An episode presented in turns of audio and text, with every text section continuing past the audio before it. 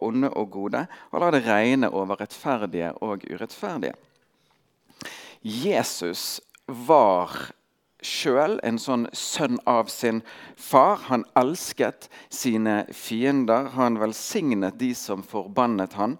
Han gjorde vel imot de som hatet ham, og ba for de som forfulgte ham. Han var og er òg veldig god mot de som står han imot. For å velge ut ett eksempel av veldig mange. Når Jesus ble arrestert, så er det en av soldatene der som trenger helbredelse. Og Til og med i det øyeblikket der så ser Jesus det behovet og møter en av de som arresterer han, og vedkommende blir helbredet på øret. Vi leste fra Salme 145,9.: Herren er god imot alle, og hans barmhjertighet er over alt han har skapt. Syv vers seinere.: Du lukker opp din hånd og metter alt levende med det som er godt for de. Paulus er inne på det samme i Hellas 1000 år seinere. Litt eh, fritt gjengitt her, men opp gjennom historien har Gud latt folkene vandre sine veier. Men han gjorde godt mot de. Fra himmelen sendte han regn og fruktbare årstider, og han mettet deres hjerter med føde og glede. Dette er Bibels Gud. Sånn er Gud. Vi sammenlignet den 19. januar Gud med, med solen. Ubegripelig varm og livgivende. Den stråler over oss, alle sammen, uansett hva vi måtte mene om sol. Sånn er sol, og sånn er Gud. Så tok vi det et lite hakk videre og sa at denne rene kjærligheten har dette ved seg. Et ren kjærlighet har dette ved seg at han gjerne ikke søker eller ønsker noe annet enn en inngang. For den som elsker en annen, enten en forelder eller en forelsket, så er det en smerte å ikke ha tilgang eller inngang til dennes liv.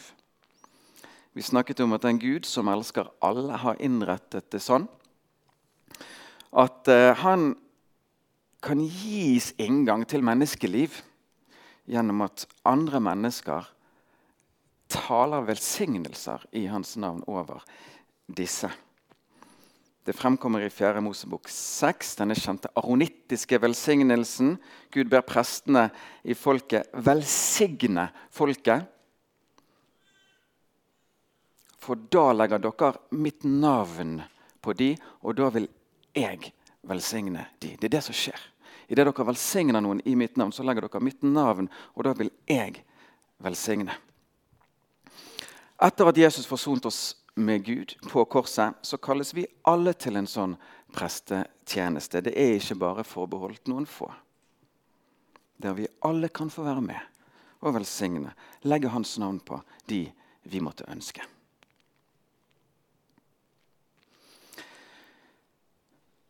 Vi kommer da inn på at eh, en sånn velsignende holdning òg gjør noe med oss sjøl. Velsignelse åpner døren for fordomsfrie fellesskap. Forskjeller utjevnes, murer rives ned, og vi havner på et vis ved hverandres side under Guds nåde. Jesus han sendte sine disipler ut med varmen i front. Han sier veldig tydelig til dem si først fred være med dere. Og vi skal merke oss at når Jesus møter sine skeptiske venner etter sin oppstandelse, så er det første han sier, 'Fred være med dere'. Og vet dere hva det andre han sier? er? Fred være med dere. Det er de to første setningene Jesus kommer med til sine.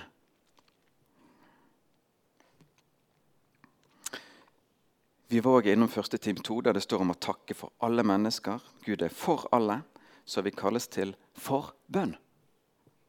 Der våre bønner preges av at vi er for folk.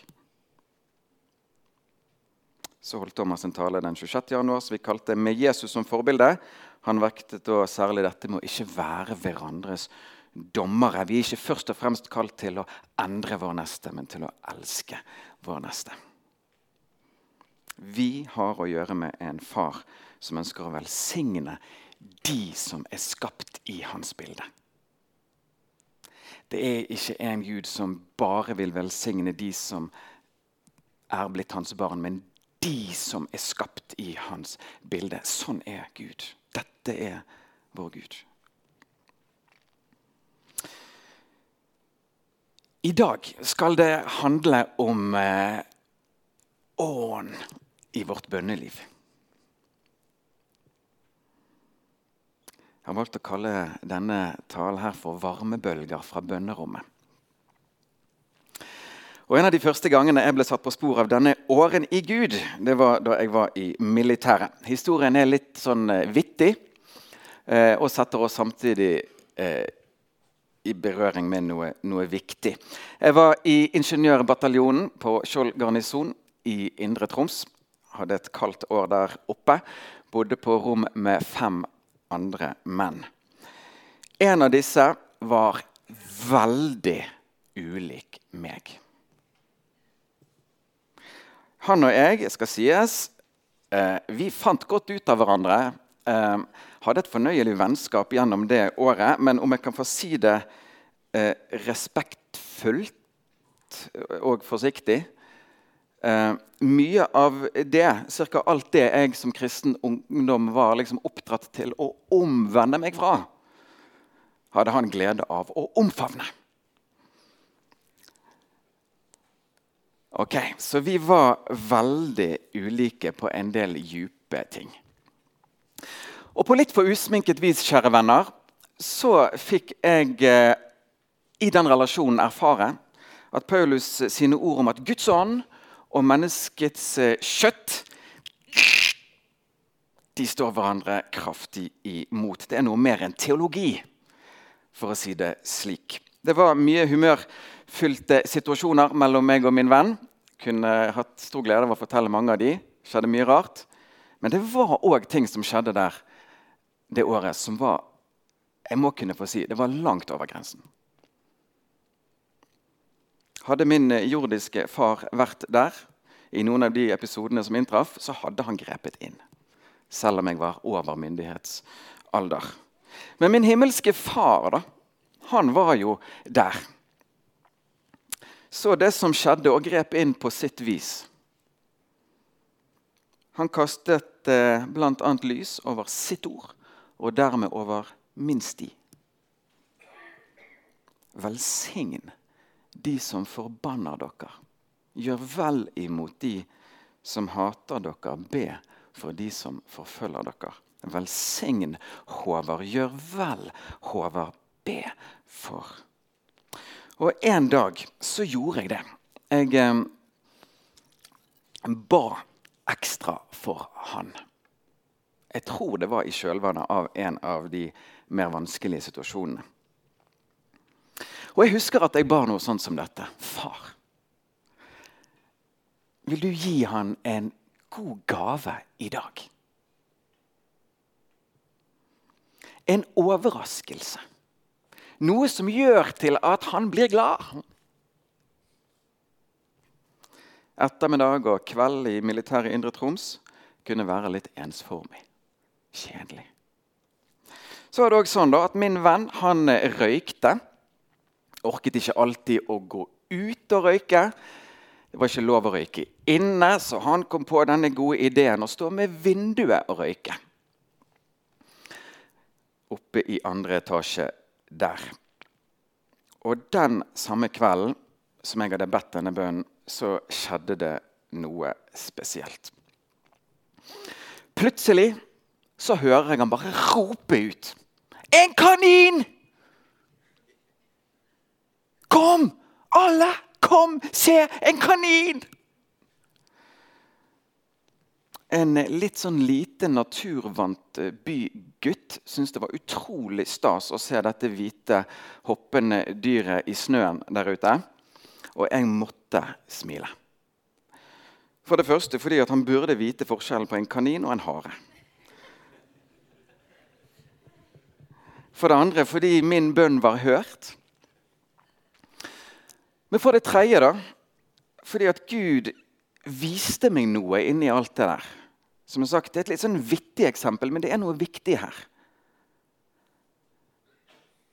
At selv om det var lite med min venns atferd som eh, si, kvalifiserte han til å ta imot gaver fra Gud, så handlet det ikke om det. Min venn var, på lik linje med meg, nøysommelig, kunstferdig, skapt av Gud. Gud var ordentlig glad i han og så etter muligheter til å være god mot han. Og Den kvelden så brukte Gud en hare til å glede min venn. Min tro er iallfall det. At det var et svar på min bønn. Det skjedde aldri før, og det skjedde aldri siden. Men det interessante da, kjære venner, det er at det som beveget meg til å be som jeg gjorde denne dagen, her, var jo troen på dette. At uh, Gud ikke bare så meg og ville gi til meg og følge meg opp, men han ville se og gi til og følge opp min venn. da.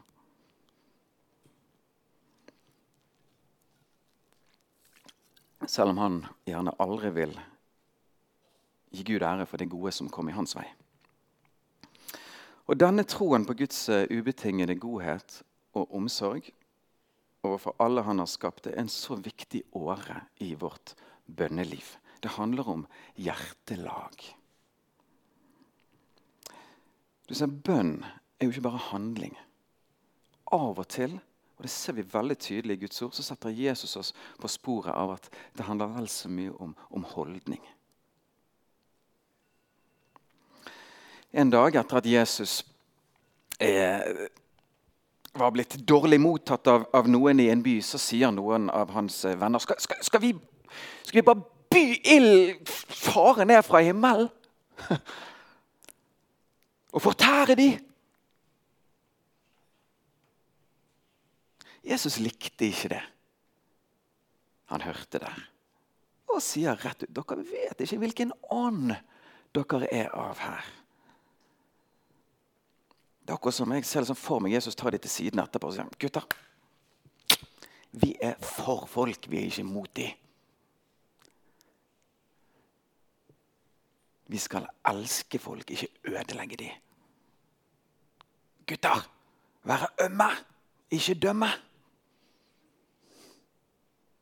Barmhjertighet er det jeg vil ha, sier han til de på et senere tidspunkt. Jesus forteller de en annen lignelse en gang. Eller en lignelse en gang. To menn gikk opp til tempelet for å be. Den ene var en fariseer, den andre en toller. Fariseeren sto for seg sjøl og ba sånn Gud, jeg takker deg for at jeg ikke er som andre mennesker.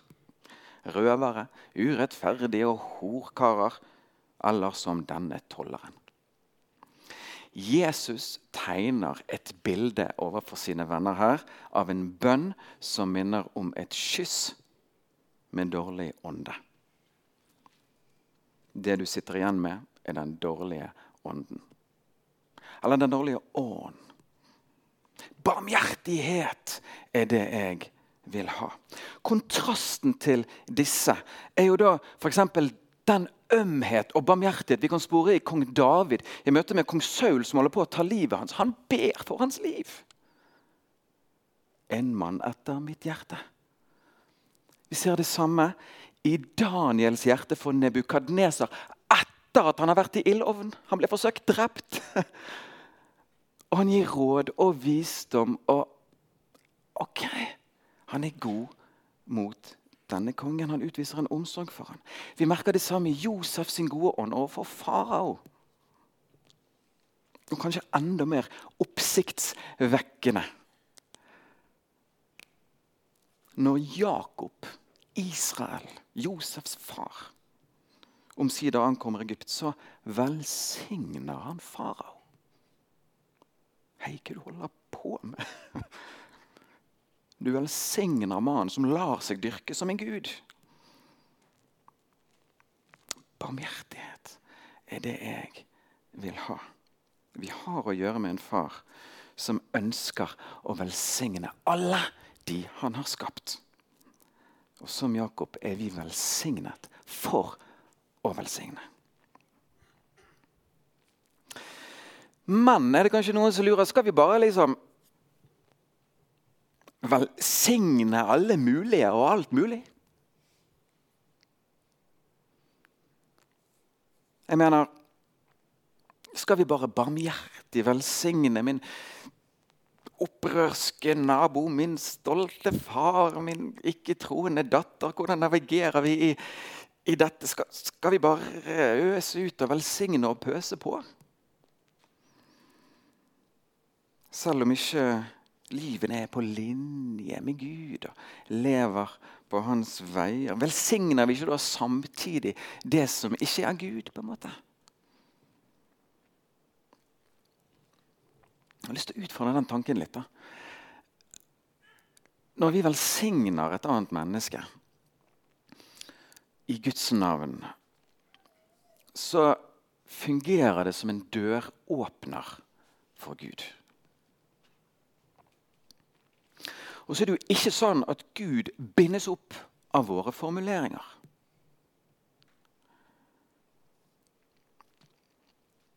Altså Når man i bønn velsigner et annet menneske, så iverksettes liksom ikke bare et system. Da åpnes det for en person som har innsikt og omsorg.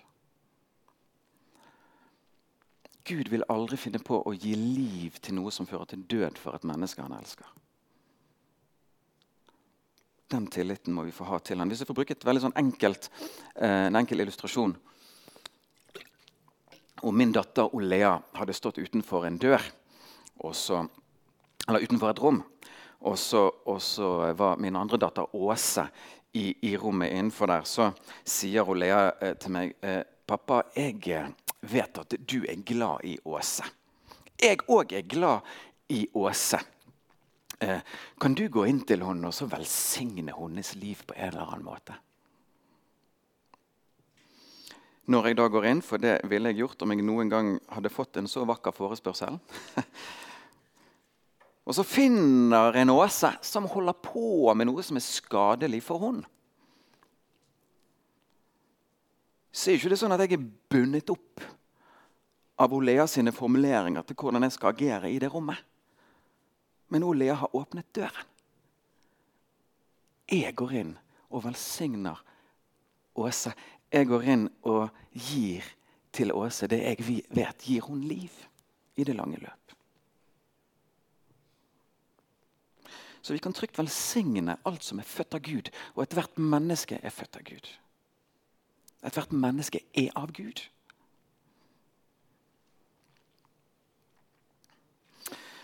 Så dette hjertelaget, denne holdningen, dette er et formidabelt utgangspunkt. Dette er takkende, barmhjertige, velsignende. Og så gjør det noe med oss som ber, med vårt hjerte, med hvordan vi ser den vi taler om. Og så vil man i mange tilfeller oppleve at vår bønn blir gitt noen andre retninger, men da på barmhjertighetens grunnlag.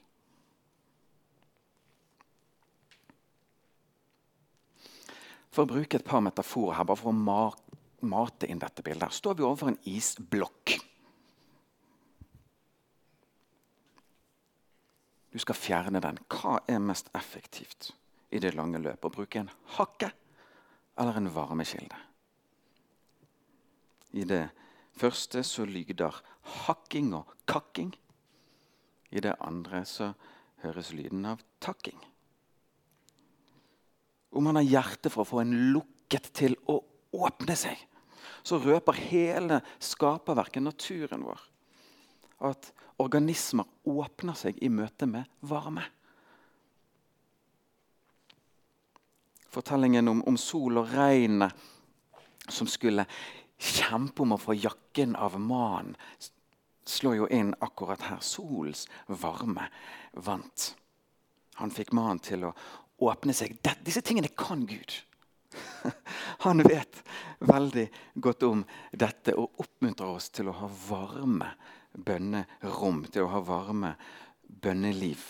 Han vet om at varme er kraftfulle ting, og at varmen har en gjennombruddskraft. For å bruke et annet bilde inn i det samme feltet. Når et sårbart liv er gjemt i et skall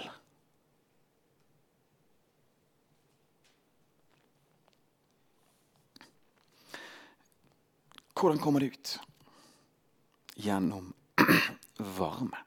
Gjennom ruging. Jesus bruker jo akkurat dette, denne metaforen sjøl. Jerusalem, Jerusalem, hvor ofte jeg ville samle under mine vinger. Sant? Du hører varmen, hører hjertet. Men ikke hakk på det! Hvis ikke det er klart. Ikke hakk på det! Varm det. Varm og velsign. Forfatter Paul Billheimer sa at hans frelse var et resultat av sånn bønn. I sin bok 'Destined, Destined, Destined, Destined for the Throne' så skriver han «Jeg kjempet mot Gud med all min styrke. Men så kom dagen da det var lettere for meg å overgi meg enn å fortsette å kjempe imot. Presset fra Den hellige ånd var så mektig at jeg av egen fri vilje lot meg falle i armene på den frelsende nåden. Kan man si at det nye livet var, var klart, og at egget ble klekket?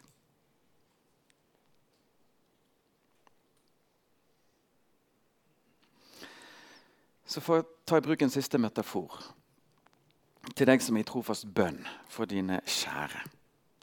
I forbønn fra år og til år. Legg ved på det bålet. Velsign, takk, vær god mot, vær raus mot. Velsign vedkommende. La det bli ordentlig varmt òg i åndens verden.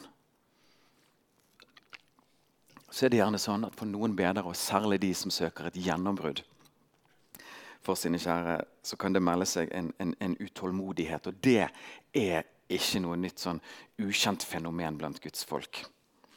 Etter sin eh, oppstandelse så, så spør eh, eller etter Jesu oppstandelse så spør disiplene til Jesus litt sånn ivrig er, er, det, er det på den tiden du skal gjenreise riket? Er er det på den tiden? Liksom, Når, Herre? Men Så skal vi merke oss hvordan Jesus møter akkurat den type spørsmål. Så sier han vet du hva? det er ikke deres sak å vite tider eller timer. Men jeg sier dere én ting. Dere skal få kraft. Det er det jeg lover. Dere skal få kraft. Det er sånn Jesus møter det spørsmålet. Og det er noe interessant bare for å ta akkurat den i møte med menneskers frelse. For her er det sikkert mange som har et djupt hjerte for mange gode liv her og der. Men det er litt interessant når Jesus navigerer i akkurat det spørsmålet der, så kommer det til et tidspunkt der disiplene nærmest resignerer. Så er det bare sånn Hvem kan da bli frelst? Liksom kamel gjennom nåløyemetaforen til Jesus er jo ikke oppmuntrende. Hvem kan da bli frelst? Og Så svarer Jesus dette. For mennesker er det umulig. Men for Gud er det mulig. Dere som sier at den tingen der det er på et sånt nivå at det må overgis til Gud.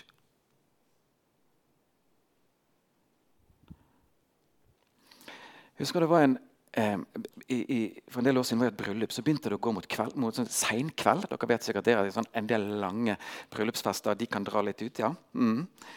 En av tantene til brudgommen hadde bedt om ordet, og jeg svalgte tungt. Tenkte det at ok, nå får vi 25 minutter om hvor søt brudgommen var i sin barndom. Ja. Men denne damen overrasket meg, og jeg skjønte raskt at hun der må jeg lytte til. Så sa hun noe da, som jeg aldri har glemt. Hun sa det til brudeparet. Ola Kåre og Marit Risa, for de som syntes det var spennende å vite hvem det var.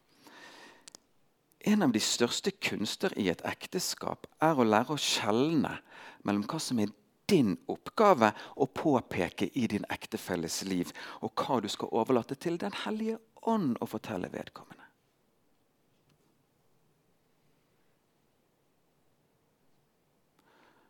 Jeg var skift på det tidspunktet, men jeg skjønte at det var veldig klokt. Og jeg har skjønt at det var veldig klokt. Og vet du hva, venner? Jeg tror denne visdommen her er ekstremt bra overførbar til det som har med menneskers frelse å gjøre. Overlat den biten tillitsfullt til Den hellige ånd. så du får å ha et barmhjertig bønneliv overfor de du ber for.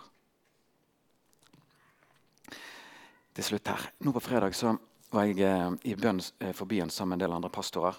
En av eh, de fortalte om en dåp de hadde hatt nå forrige helg.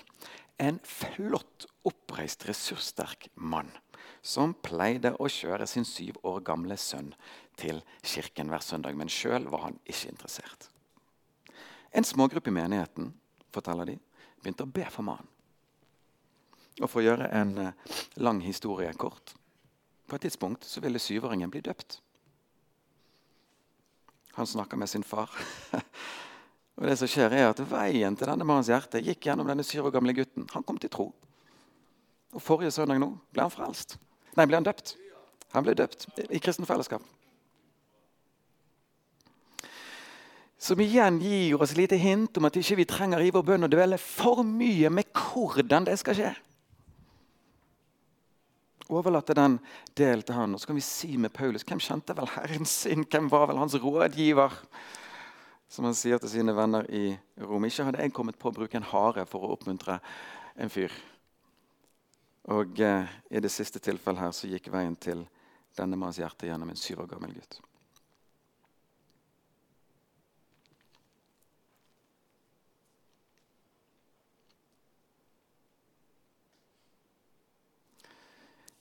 Dette greiene her skal vi få vokse i. Et velsignende bønneliv. Jeg sa det forrige gang. Roy Godwin og co. har utfordret meg masse på det med å liksom, ikke bare be Gud om å velsigne, men sjøl velsigne. Tale, og jeg føler meg som en litt sånn på vei i dette sjøl. La meg da få si en oppmuntrende snutt her kom over denne herlige saken. En gruppe turister som kom til en landsby et land langt borte. Gikk rundt omkring. Så er det en av disse liksom, brautende turistene som eh, oppsøker en gammel mann som sitter på en benk. og Han spør er det født noen store menn i denne byen. her? Så sier denne gamle mannen bare at nei, her er det bare født små barn.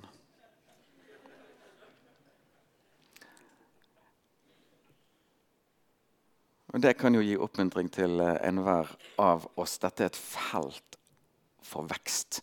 Dette er et felt å få vokse i. Mye av Guds ord, Guds sannheter, kommer til oss i form av frø. Og så kan vi få se at det vokser på seg og reiser seg.